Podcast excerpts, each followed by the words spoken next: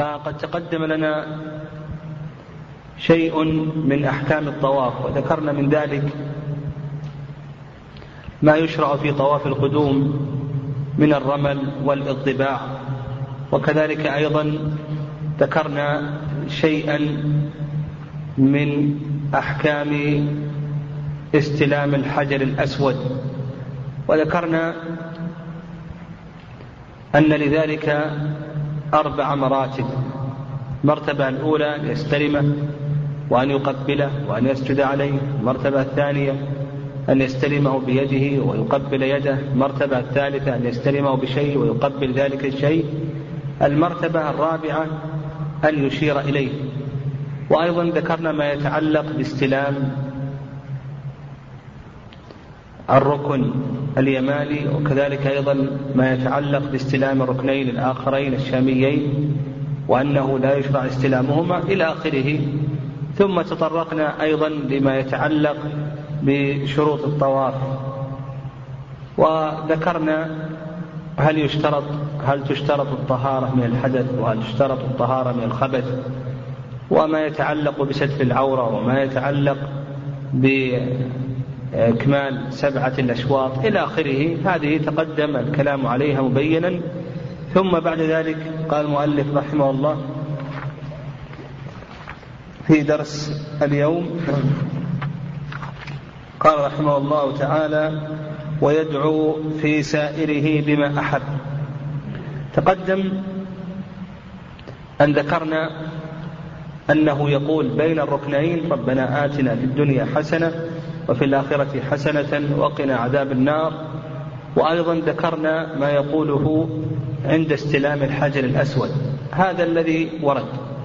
ما عدا ذلك لم يرد. ولهذا قال المؤلف رحمه الله يدعو في سائره بما أحب. بما أحب من خير الدنيا والآخرة. فيؤخذ من هذا أنه ليس لأشواط الطواف ذكر مخصوص وأن ما يوجد في بعض الكتيبات دعاء الشوط الأول ودعاء الشوط الثاني إلى آخره أن هذا بدعة لأن العبادات مبناها على التوقيف والأصل فيها المنع. وإذا كان كذلك فإن تخصيص دعاء في عبادة ولم يرد ذلك عن النبي عليه الصلاة والسلام فإنه من البدع. ثم قال المؤلف رحمه الله ويصلي ثم يصلي خلف المقام. بعد أن ينتهي ثم يصلي ركعتين خلف المقام. بعد أن ينتهي من الطواف يشرع له أن يصلي هاتين الركعتين. وإذا انتهى من الطواف هل يشرع أن يشير إلى الحجر ويكبر؟ أو نقول بأن هذا غير مشروع. في هذا قولان لأهل العلم رحمهم الله. فذهب بعض أهل العلم إلى أنه يشرع استدلالا بأن النبي عليه الصلاة والسلام كلما حاذ الحجر الأسود استلمه وكبر.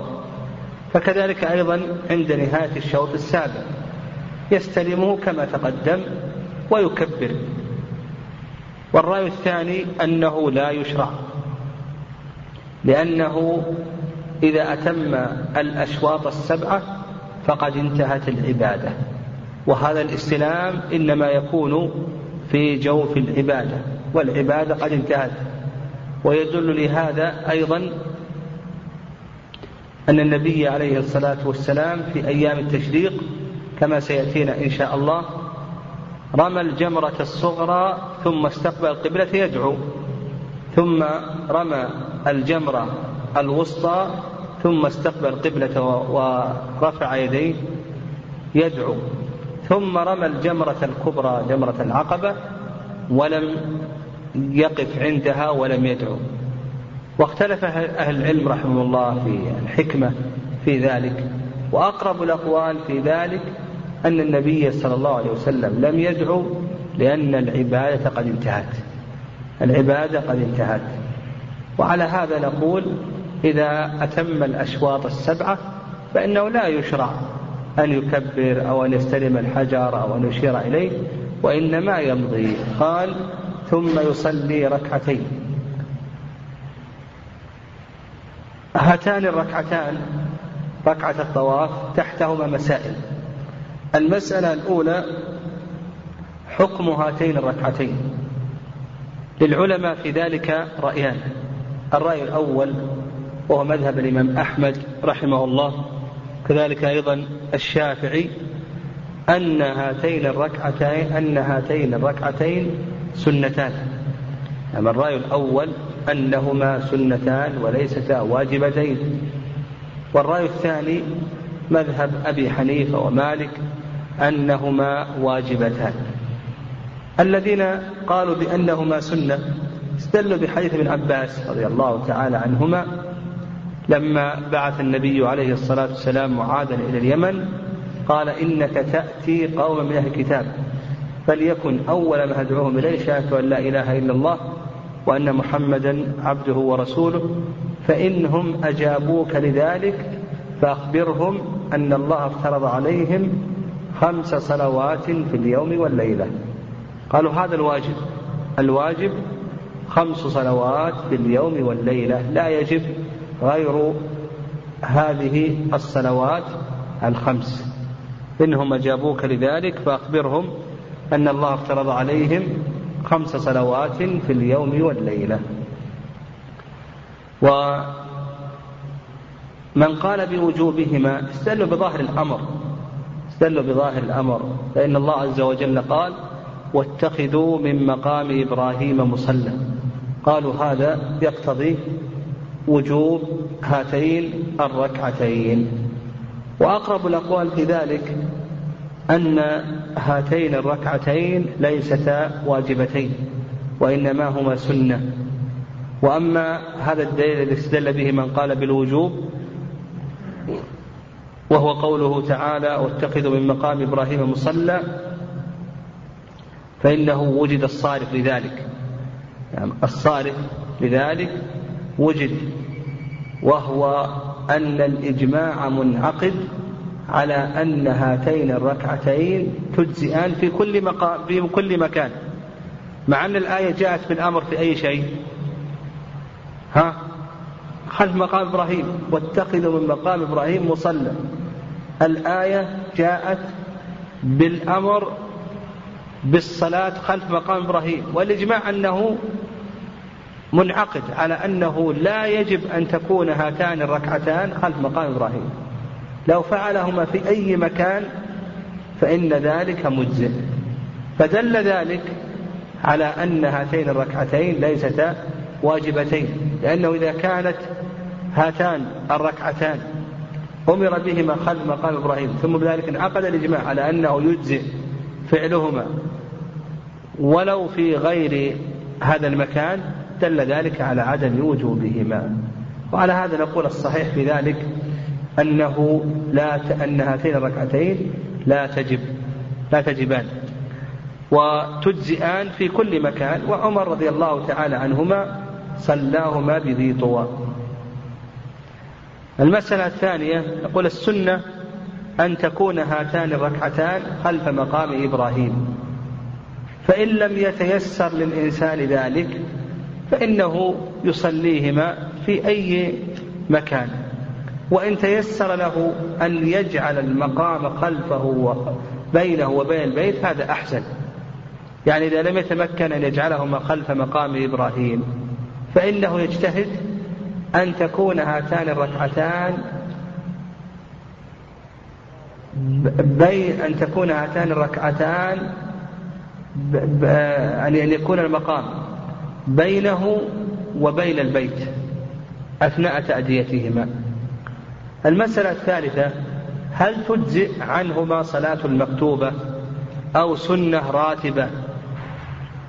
لو كان الوقت وقت سنة راتبة أو نقول بأن ذلك لا يجزي هذا موضع خلاف بين أهل العلم والصواب في ذلك أن المكتوبة لا تجزئ عنهما وأيضا لا تجزئ عنهما السنة الراتبة لأن هاتين الركعتين لأن هاتين الركعتين صلاة مستقلة بنفسها مقصودة لذاتها. لا تقوم غيرها مقامها. المسألة الرابعة ما يسن في هاتين الركعتين؟ ما يسن في هاتين الركعتين. نقول هاتان الركعتان يسن فيهما السنن. السنة الأولى التخفيف أن يخفف هاتين الركعتين. و والسنة الثانية أن يقرأ فيهما بسورة الإخلاص. قل يا أيها الكافرون قل هو الله أحد كما في حديث جابر الطويل الذي رواه مسلم في صحيحه. والسنة الثالثة ألا يطيل المقام بعدهما. السنة الثالثة ألا يطيل المقام بعدهما. بل يقوم مباشرة كما هو هدي النبي صلى الله عليه وسلم. آه، آه، المسألة الخامسة هل تشرع هاتان الركعتان في أوقات النهي أو لا؟ بمعنى لو أن الإنسان طاف بعد العصر أو أو طاف بعد الفجر فهل إذا انتهى من طوافه يصلي هاتين الركعتين؟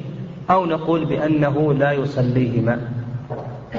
نقول الصواب في ذلك ما ذهب إليه الشافعي رحمه الله وأن هاتين الركعتين تشرعان في أوقات النهي لأنهما من ذوات الأسباب. وذوات الأسباب تشرع في كل وقت لأنها لو أخرت عن سببها لفاتت. إذ إنها شرعت لهذا السبب وهي دائرة معه. قال رحمه الله ثم يصلي ركعتين خلف المقام. قال ثم يعود إلى الركن فيستلمه. نعم. إذا انتهى من صلاة هاتين الركعتين فإنه يشرع أن يعود إلى الركن ويستلمه يعني يعود إلى الحجر الأسود ويستلم الحجر الأسود يمسحه قبل أن يشرع في السعي. وهذا الاستلام قال العلماء رحمهم الله يشرع بعد كل طواف يعقبه سعي. بعد كل طواف يعقبه سعي يشرع إذا طفت وصليت الركعتين أن ترجع إلى الحجر الأسود وأن تستلمه فقط. ولا تقبله. لم يرد عن النبي صلى الله عليه وسلم أنه قبله. وإنما كان النبي عليه الصلاة والسلام يقبله داخل الطواف. أما خارج الطواف فهذا لم يثبت عن النبي عليه الصلاة والسلام أنه قبله. فنقول إذا انتهيت من الطواف إن تيسر الإنسان أن يذهب وأن يستلمه يمسحه. ثم بعد ذلك يخرج إلى المسعى. نعم قال المؤلف رحمه الله ويستلمه ثم يخرج إلى الصفا من بابه. الصفا هي الحجارة الصلبة والمراد به هنا المكان المعروف في طرف المسعى الجنوبي. المكان المعروف في طرف المسعى الجنوبي طرف جبل أبي قبيس. يعني طرف جبل أبي قبيس. لأن المسعى بين جبلين. من جهة الصفا جبل أبي قبيس ومن جهة المروة جبل قعيقعان فالصفا هي الحجارة الصلبة والمراد به المكان المعروف في طرف المسعى الجنوبي طرف جبل أبي قبيس. قال المؤلف من بابه فيرقى عليه يرقى على الصفا. وهذا الرقي ليس واجبا لكنه مستحب. وإذا أقبل على الصفا قرأ قوله تعالى إن الصفا والمروة من شعائر الله. هكذا ورد عن النبي صلى الله عليه وسلم في حديث جابر ولم يرد أن النبي صلى الله عليه وسلم أكمل الآية. هذا لم يرد. وإنما قرأ النبي عليه الصلاة والسلام هذا الجزء. إن الصفا والمروة من شعائر الله. ثم قال أبدأ بما بدأ الله به. ولم يرد أن النبي صلى الله عليه وسلم قرأ هذا الجزء من هذه الآية في غير هذا الموضع. وعلى وبهذا نعرف أن ما يفعله بعض الناس إذا أتى المروة قرأ قوله تعالى إن الصفا والمروة من شعائر الله ثم إذا رجع إلى الصفا قرأ هذه الآية إن الصفا والمروة من شعائر الله أن هذا ليس عليه دليل. النبي عليه الصلاة والسلام إنما قرأها مرة واحدة لما أقبل على الصفا وهي قوله تعالى إن الصفا والمروة من شعائر الله. قال المؤلف رحمه الله تعالى ويكبر الله ويهلله ويدعوه يكبر الله ويهلله ويدعوه. يعني يرفع يديه. إذا صعد على الصفا يستقبل القبلة ويرفع يديه. ويقول الله أكبر ثلاث مرات. الله أكبر الله أكبر الله أكبر. ثم بعد ذلك يقول ما ورد. والوارد كما في جابر يقول لا إله إلا الله وحده لا شريك له له الملك وله الحمد وهو على كل شيء قدير. لا إله إلا الله وحده أنجز وعده ونصر عبده وهزم الأحزاب وحده. ثم يدعو ثم يقول هذا الذكر ثم يدعو ثم يقول هذا الذكر ثم ينزل. أعيد يعني يرفع يديه مستقبل القبلة ويكبر ثلاث مرات. الله أكبر الله أكبر الله أكبر. ثم يقول الوارد لا إله إلا الله وحده لا شريك له له الملك وله الحمد وهو على كل شيء قدير. لا إله إلا الله وحده أنجز وعده ونصر عبده وهزم الأحزاب وحده. ثم يدعو ثم يقول هذا الذكر ثم يدعو ثم يقول هذا الذكر ثم ينزل. فيدعو مرتين ويقول هذا الذكر ثلاث مرات. يعني يقول هذا الذكر ثلاث مرات. يعني هذا هو السنة. وبهذا نعرف أن ما يفعله بعض الناس إذا أتوا على الصفا يشيرون بأيديهم أو كأنهم يكبرون الإحرام ونحو ذلك أن هذا كله غير وارد عن النبي صلى الله عليه وسلم. هذا كله غير وارد. أو أنهم إذا أتوا إلى المروة يرفعون أيديهم ويشيرون بأيديهم إلى آخره هذا كله غير وارد. قال رحمه الله آه، ويكبر الله ويهلله ويدعوه ثم ينزل فيمشي في مواضع مشيه فيمشي في مواضع مشيه ويسعى في مواضع سعيه حتى يكمل سبعة أشواط. يمشي في مواضع المشي ويسعى في مواضع السعي. فدل ذلك على أن المسعى يشرع فيه المشي ويشرع فيه السعي. فإذا أتى إلى العلم الأخضر وهو بطن الوادي فإنه يستحب أن يسعى سعيا شديدا. اقتداء بنبينا محمد صلى الله عليه وسلم وأصل مشروعية السعي كما في حديث البخاري الذي رواه ابن عباس رضي الله تعالى عنهما أن إبراهيم لما ترك هاجر وابنها إسماعيل فعطشت وعطش الصبي فصعدت على الصفا نعم فلم ترى أحدا. نعم صعدت على الصفا هل ترى أحدا؟ فلم ترى أحدا وهبطت في بطن الوادي فكانت إذا هبطت في بطن الوادي لا ترى الصبي فتسعى سعيا شديدا حتى تصل إلى المروة لكي تنظر هل ترى أحدا أو لا ترى أحدا. فكانت تسعى إذا كانت في بطن الوادي لأن الطفل يغيب عنها وبهذا حصلت مشروعية السعي. يقول المؤلف آه، ويسعى في موضع سعي حتى يكمل سبعة أشواط يحتسب بالذهاب سعيه وبالرجوع سعيه يفتتح بالصفا ويختتم بالمروة. السعي يشترط لصحته شروط. أشار المؤلف رحمه الله إلى الشرط الأول في قوله فيمشي في مواضع مشي. يعني الشرط الأول أن يمشي. وعلى هذا لو أنه ركب من غير عذر فإن سعيه غير صحيح. يعني لا بد أن يمشي ولا يركب. إلا إذا كان لعذر فإن هذا لا بأس به. فإن النبي عليه الصلاة والسلام سعى ماشيا فلما احتاج إلى أن يركب لكي يراه الناس ولكي يشرف عليهم ولكي يأخذ عنه نسكهم ركب عليه الصلاة والسلام. فنقول الأصل أنه يمشي إلا إذا احتاج إلى الركوب فإنه لا بأس أن يركب.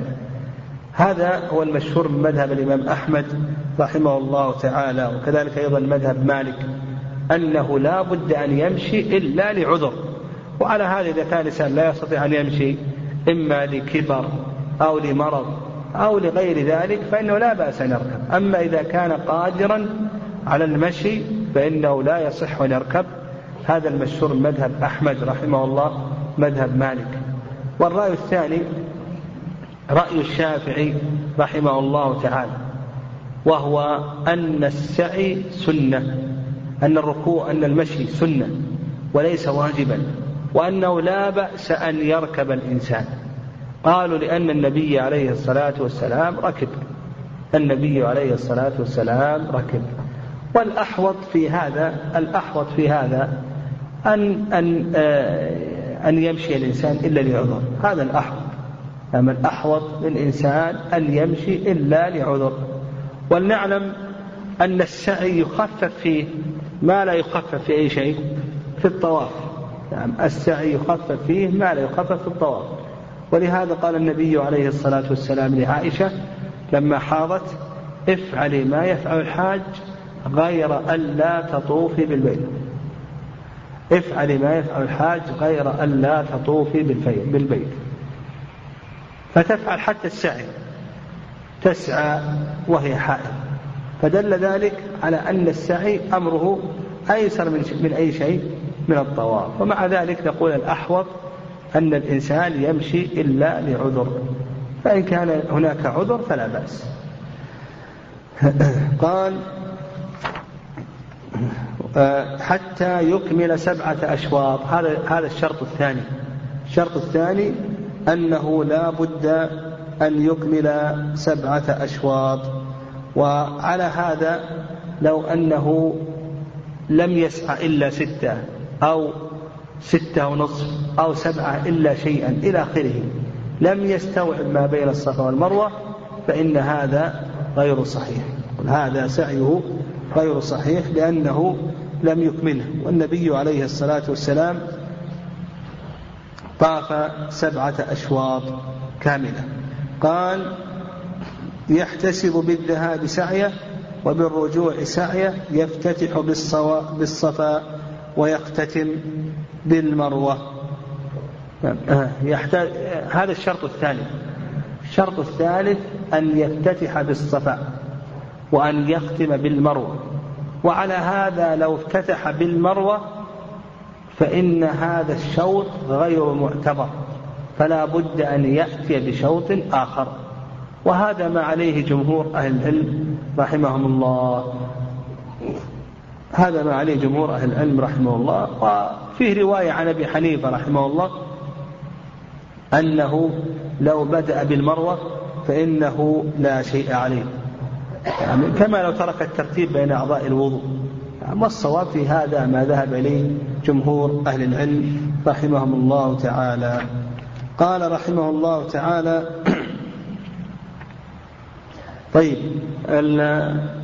الشرط الرابع يعني الشرط الرابع الموالاة بين أشواط السعي.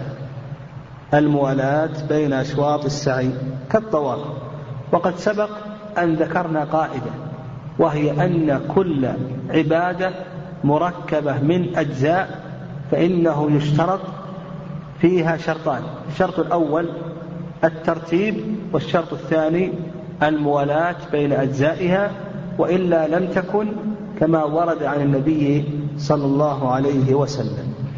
وفي رواية عن الإمام أحمد رحمه الله أن التوالي بين أشواط السعي ليس شرطا لأن سودة بنت عبد الله بن عمر رضي الله تعالى عنهما سعت بين الصفا والمروة في ثلاثة أيام. سودة بنت عبد الله بن عمر رضي الله تعالى عنهما سعت بين الصفا والمروة في ثلاثة أيام. والأقرب في هذا ما ذكرناه هو الرأي الأول وأنه لا بد من التوالي لأنه لو طاف شوطا في أول النهار وشوطا في منتصف النهار وشوطا في آخره وأربعة من الغد لم يكن هذا السعي الذي سعاه النبي صلى الله عليه وسلم. لم تكن هذه هي العبادة التي أتى بها النبي صلى الله عليه وسلم وشرعها. الشرط الخامس أن يكون هذا السعي بعد طواف نسك ولو مسنون. وهذا قول الأئمة الأربعة وحكي الإجماع على ذلك أنه لا بد أن يكون السعي بعد طواف نسك.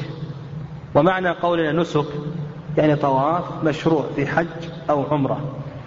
ولا يشترط أن يكون هذا الطواف واجبا حتى ولو كان حتى ولو كان مسنونا.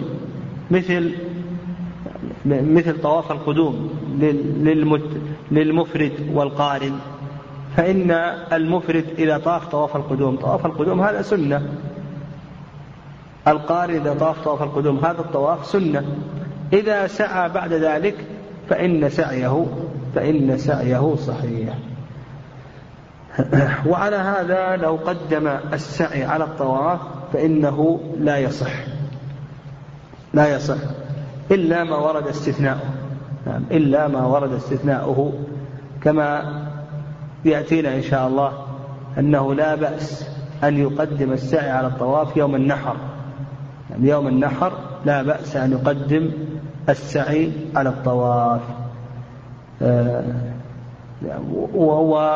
وورد عن عطاء رحمه الله ورواية عن الإمام أحمد رحمه الله تعالى أن أنه آه، لا يشترط ذلك يعني حكي عن عطاء وداود أنه لا يشترط ذلك يعني لا يشترط أن يكون السعي بعد طواف. وورد عن الإمام أحمد رحمه الله أنه يسقط الترتيب بالجهل يعني يسقط الترتيب بالجهل. والأقرب في ذلك أن يقال نعم الأقرب في ذلك أن يقال أن الإنسان إذا قدم السعي على الطواف وكان جاهلا فإن أمكنه أن يتدارك فإنه يتدارك. كما لو ذهب الإنسان للعمرة. إنسان جاهل وذهب للعمرة وسعى قبل الطواف. ويمكنه أن يتدارك الآن لأنه في مكة. نقول الآن يعيد السعي مرة أخرى. أما إذا كان الإنسان جاهلا ولا يمكنه يتدارك وذهب الوقت ومضى ورجع إلى آخره فنقول بأن هذا يعفى عنه إن شاء الله. أيضا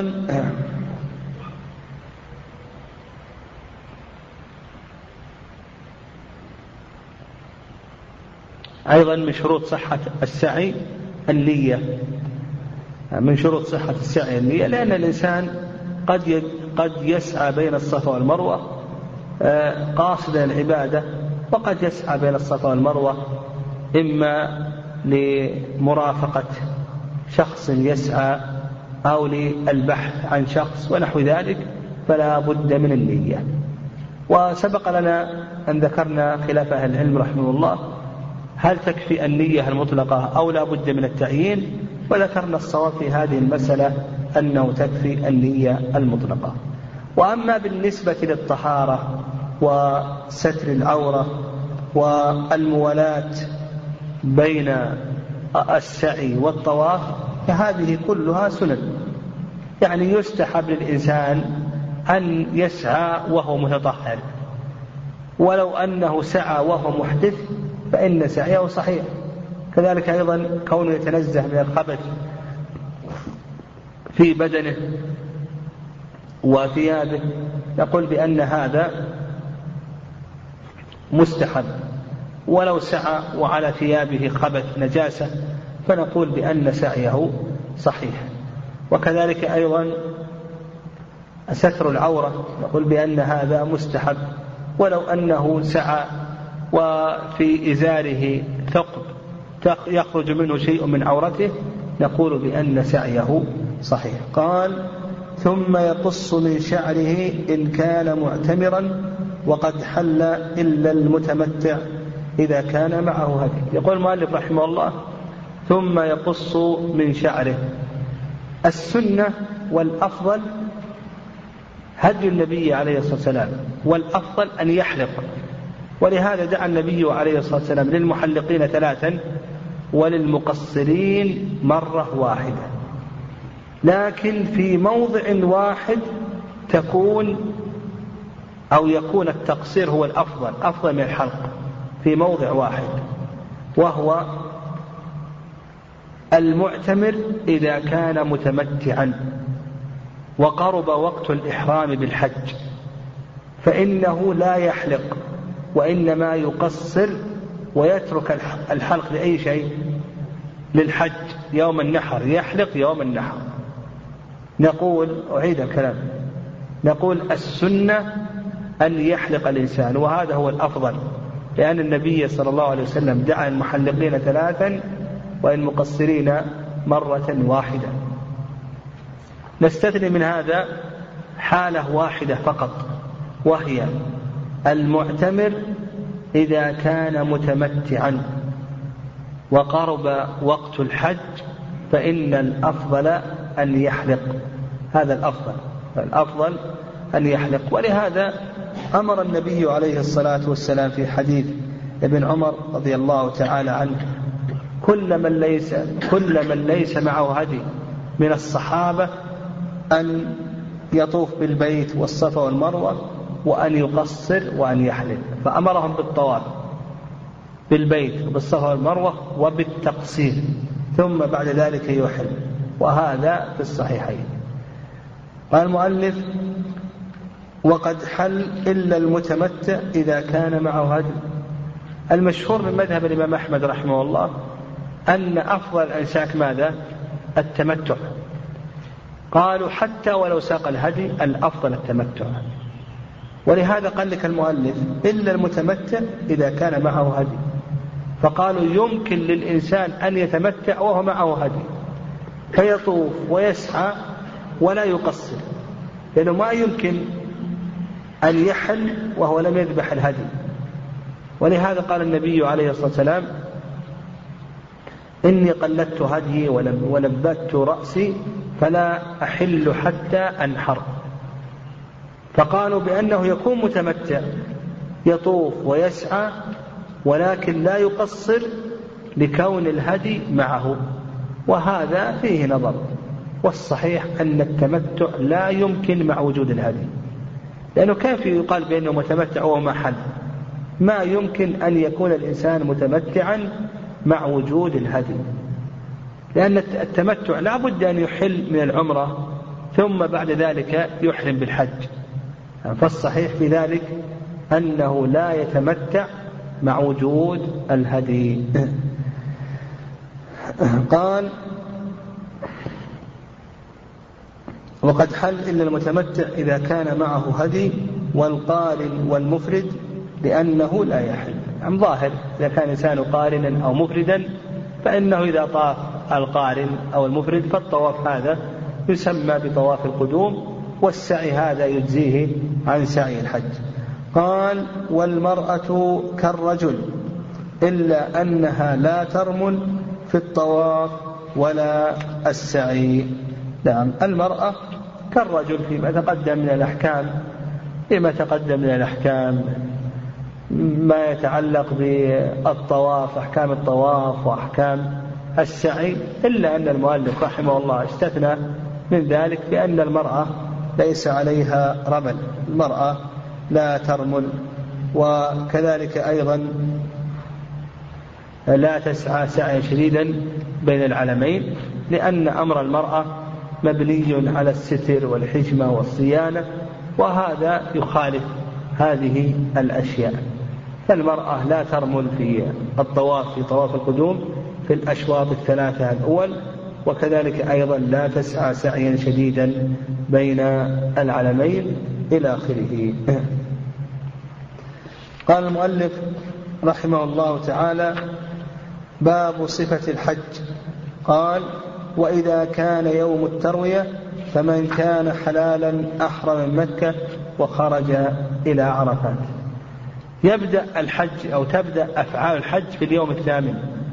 أفعال الحج تبدأ في اليوم الثامن من شهر ذي الحجة.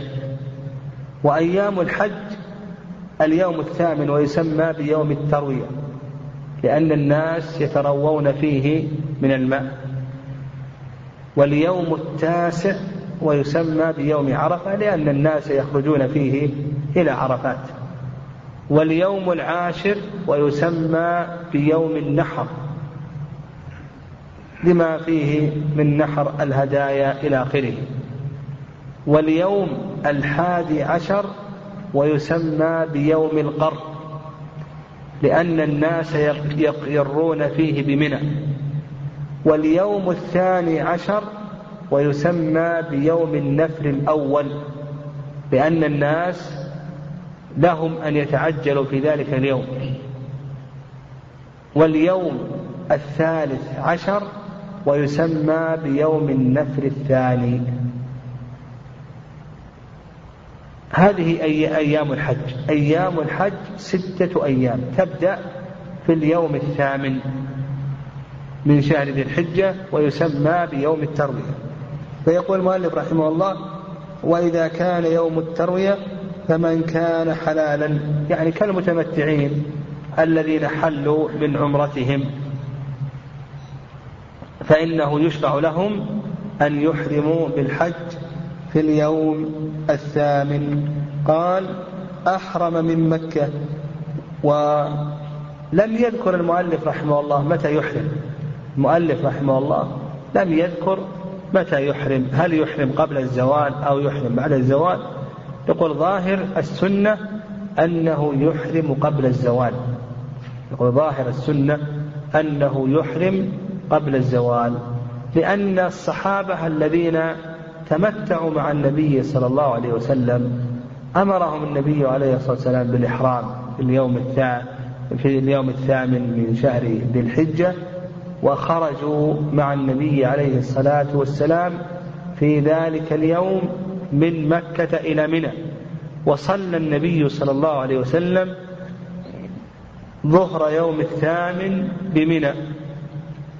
صلى ظهر اليوم الثامن صلى بمنى. فدل ذلك على أن إحرامهم كان قبل الزوال لأن إحرامهم كان قبل الخروج من مكة. هم أحرموا من أماكنهم أحرموا من الأبطح. أحرموا من الأبطح. فدل ذلك على أن على أنهم أحرموا قبل الزوال لأنهم خرجوا مع النبي صلى الله عليه وسلم. والنبي عليه الصلاة والسلام خرج إلى منى قبل الزوال قبل الزوال وصلى الظهر في منى فهو هم خرجوا مع النبي صلى الله عليه وسلم محرمين فدل ذلك على أن إحرامهم كان قبل الزوال. وقال المؤلف رحمه الله من مكة لأن النبي عليه الصلاة والسلام أمر الصحابة الذين تمتعوا أن يحرموا من البطحاء يعني من مكان آه، إقامتهم يعني من مكان إقامتهم. قال فيجزئ من مكة يقول المؤلف رحمه الله. يعني أحرم من مكة يجزئ من مكة وكذلك أيضا يجزئ من بقية الحرم ومن خارج الحرم إلى آخره. قال وخرج إلى عرفات. نعم خرج إلى عرفات.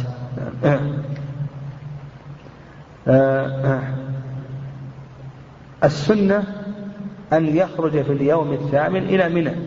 هذا هو هدي النبي صلى الله عليه وسلم كما في حديث جابر الطويل. قل السنة أن يخرج إلى منى في اليوم الثامن ويصلي بها الظهر العصر المغرب والعشاء ويبيت ليلة التاسع بمنى ويصلي الفجر. فإذا صلى الفجر بمنى فإنه يذهب في اليوم التاسع إلى عرفات. قل يذهب آه، في اليوم التاسع إلى عرفات بعد طلوع الشمس. هذا هو السنة. تقول السنة أن يصلي هذه الأوقات الظهر العصر المغرب والعشاء ويبيت التاسع ويصلي الفجر. وينتظر حتى تطلع الشمس. فإذا طلعت الشمس فإنه يسير من منى إلى عرفات. وسبق أن بينا أن الخروج إلى منى في اليوم الثامن وفعل هذه الصلوات والمبيت بمنى ليلة التاسع أن هذا من سنن الحج. وليس واجبا. بدليل حديث عروة بن مضرس رضي الله تعالى عنه. فإن عروة بن مضرس أتى النبي عليه الصلاة والسلام وقد خرج.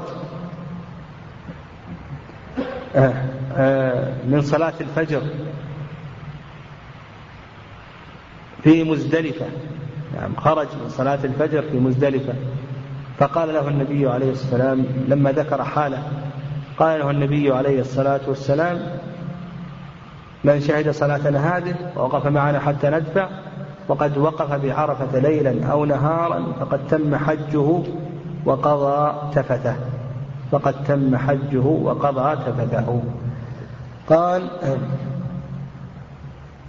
وخرج إلى عرفات. نقول السنة إذا طلعت الشمس في اليوم التاسع أن يسير إلى عرفات. قال فإذا زالت الشمس يوم عرفة صلى الظهر والعصر يجمع بينهما بأذان وإقامتين ثم يروح إلى الموقف.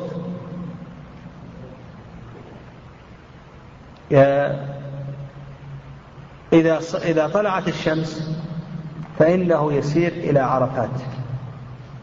والنبي عليه الصلاة والسلام سار إلى عرفات فوجد قبة قد ضربت له بنمرة. يعني خيمة صغيرة ضربت له بنمرة فمكث النبي عليه الصلاة والسلام بهذه القبة حتى زالت الشمس. يعني حتى زالت الشمس. فالنبي عليه الصلاة والسلام لم يدخل. نعم لم يدخل عرفات إلا بعد الزوال وبعد الصلاتين. ونمرة هذه ليست من عرفة. نمرة هذه ليست من عرفة. قال العلماء إنها غرب وادي عرنة من جهة الحرم. إذا كان عرنة وادي عرنة ليس من عرفة. النبي عليه الصلاة والسلام يقول ارفع عن بطن عرنة. الوادي ليس من من عرفات فكذلك أيضا نمرة نمرة هذه غرب الوادي من جهة الحرم.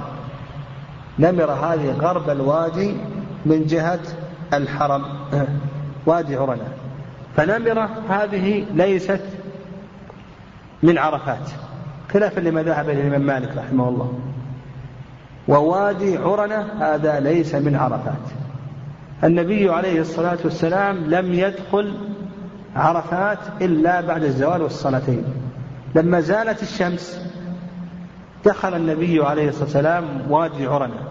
فصلى الظهر والعصر. كما ذكر المؤلف رحمه الله تعالى يجمع بينهما بأذان وإقامتين. ثم بعد ذلك دخل الموقف عليه الصلاة والسلام.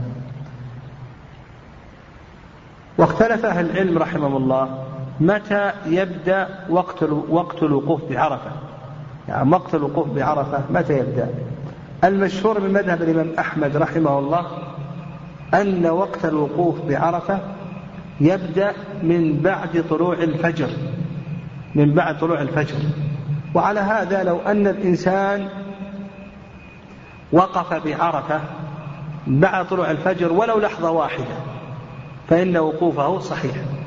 وتم حج يعني أتى بركن الحج الأعظم حتى لو خرج ولم يرجع.